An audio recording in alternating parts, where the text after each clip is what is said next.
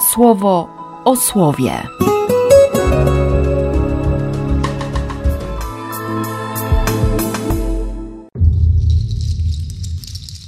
3 maja, poniedziałek. Z Apokalipsy świętego Jana. Wtedy otwarła się świątynia Boga, ta w niebie, i arka Jego przymierza pokazała się w tej Jego świątyni. Nastały błyskawice i huki, i grzmoty, i trzęsienie ziemi, i wielkie gradobicie. Potem wielki znak pokazał się w niebie.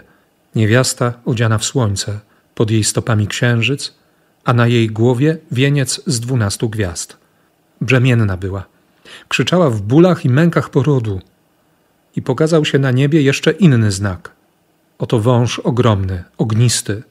Ma siedem głów i dziesięć rogów, a na tych swoich głowach siedem diademów. I oto jego ogon zmiata z nieba trzecią część gwiazd. Zrzucił je na ziemię. Wąż stanął przed mającą urodzić niewiastą, aby pożreć jej dziecko, gdy tylko urodzi. I urodziła syna, mężczyznę, który będzie pasterzem wszystkich narodów, używającym laski żelaznej.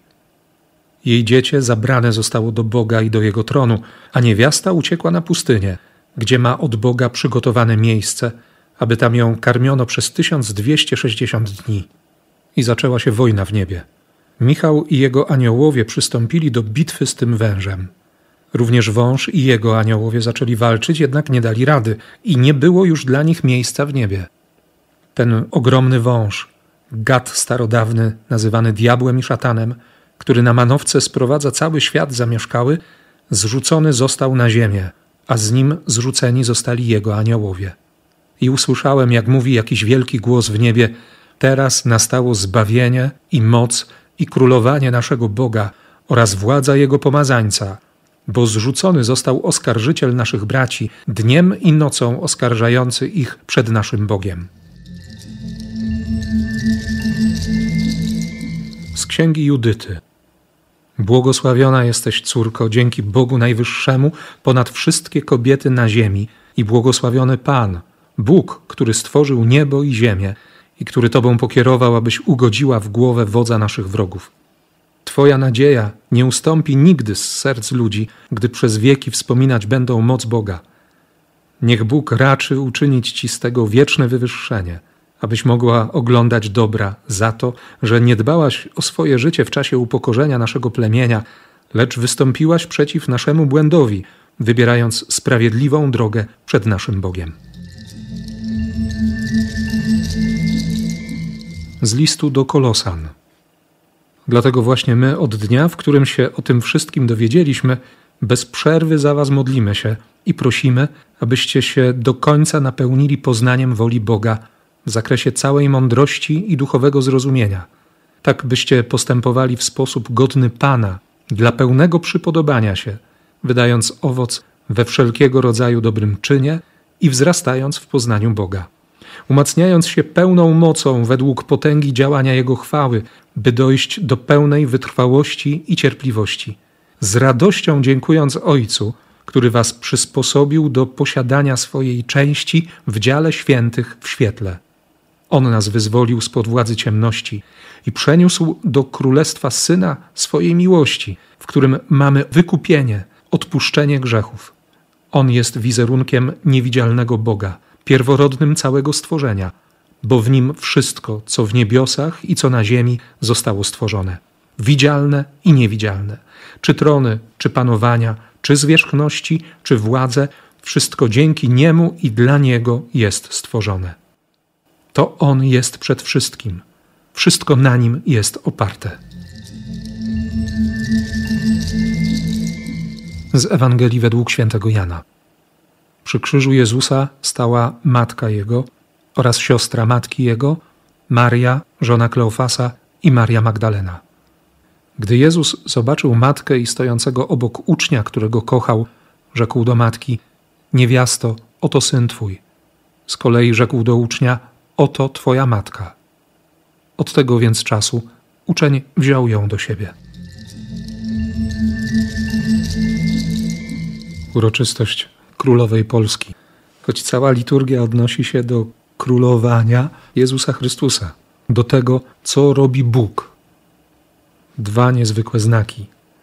Kobieta ubrana w słońce, cała w świetle, i krzyczy w bólach i mękach porodu.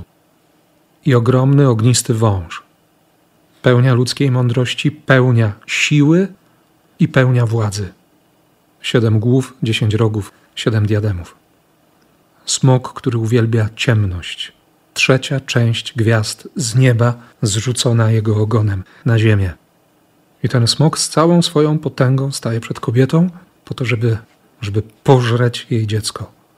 I Jan widzi w swojej wizji, że to dziecko zostaje porwane. Porwane do Boga i do jego tronu.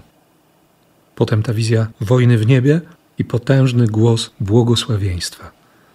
Przyszedł czas zbawienia, mocy i królowania Boga. A my się ciągle dajemy oszukać temu, który, który wydaje się być Panem nad światem, władcą świata, jak zresztą powie o nim Jezus. Władcą osądzonym, pokonanym, władcą, który, który nie ma już nic. Został pozbawiony wszystkiego.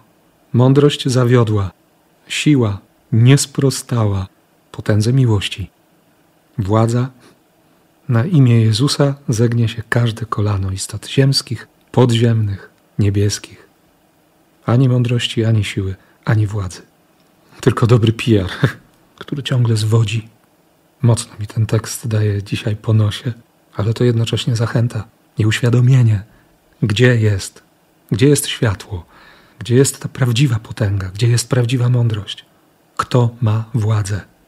I nie chodzi o żadne argumenty siły, tylko chodzi o miejsce królowania, którym jest krzyż, o koronę, którą jest cierń, o miłość, która, która ma taką władzę, by zupełnie inaczej spojrzeć na krzyż, widzieć w nim tron i spojrzeć również na cierń, który może pokazać, obnażyć trochę ranliwość serca, ale wcale nie prowokuje do nienawiści, do odwetu, do jakiejś zemsty, do tych przypychanek, kto jest lepszy, komu bardziej zależy, tylko uczy kochać.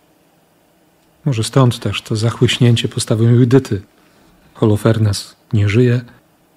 Za moment, to będzie piętnasty rozdział tej księgi, wszyscy stracą głowę, opanuje ich strach, przerażenie i będą uciekać.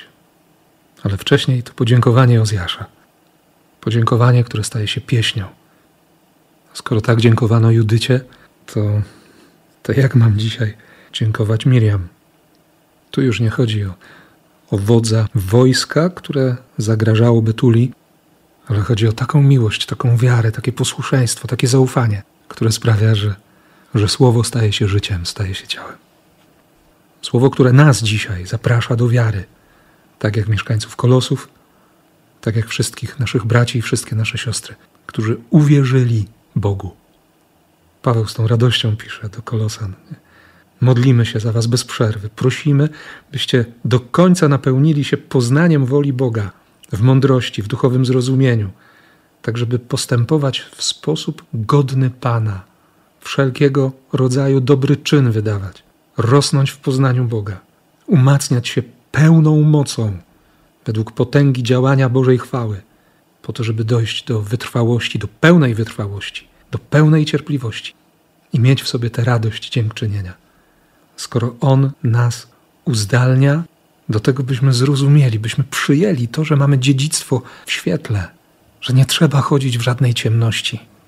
Chociaż tak ciągle sobie myślę, że, że rzeczywiście o wiele bardziej jestem przyzwyczajony do, do chodzenia w jakimś półmroku, do szukania dodatkowych furtek, do, do ukrywania się. Paweł pisze wyraźnie. Apokalipsa mówi konkretnie. Światło, jasność, konkret prawda. Bo właśnie On, Ojciec, wyzwolił nas spod władzy ciemności. Tam dosłownie też wyrwał. Wyrwał z tej władzy. Przeniósł. Przeniósł do królestwa syna swojej miłości. To jest zupełnie inna władza. To jest inna rzeczywistość. Tu jest wykupienie, tu jest odpuszczenie grzechów, tu jest wolność żaden półmrok, żadne lawirowanie, żadne zniewolenie, żadna chora zależność, ubezwłasnowolnienie. Tu jest autentyczna wolność. To jest ta wolność, którą Jezus dzisiaj też pokazuje na krzyżu. No wcale to proste nie było. Nie? Co się działo w jej sercu, kiedy, kiedy powiedział: Teraz to jest twój syn. Ma taką wolność, że dłonią ojca oddaje wszystko, nawet te relacje, każdą relację. To dzisiaj znowu jest zachęta. Oddać każdą relację dłoniom ojca. Pozwolić, żeby Bóg się temu wszystkiemu przyjrzał. I przyjąć siostry i braci zupełnie na nowo. Tych wszystkich, którzy patrzą na Jezusa i tych wszystkich, którzy nie patrzą nawet, ale, ale na których patrzy Ojciec Niebieski. Bo tych, co myślą tak jak ja, to, no to jakoś łatwiej. Mamy w końcu ten sam kierunek.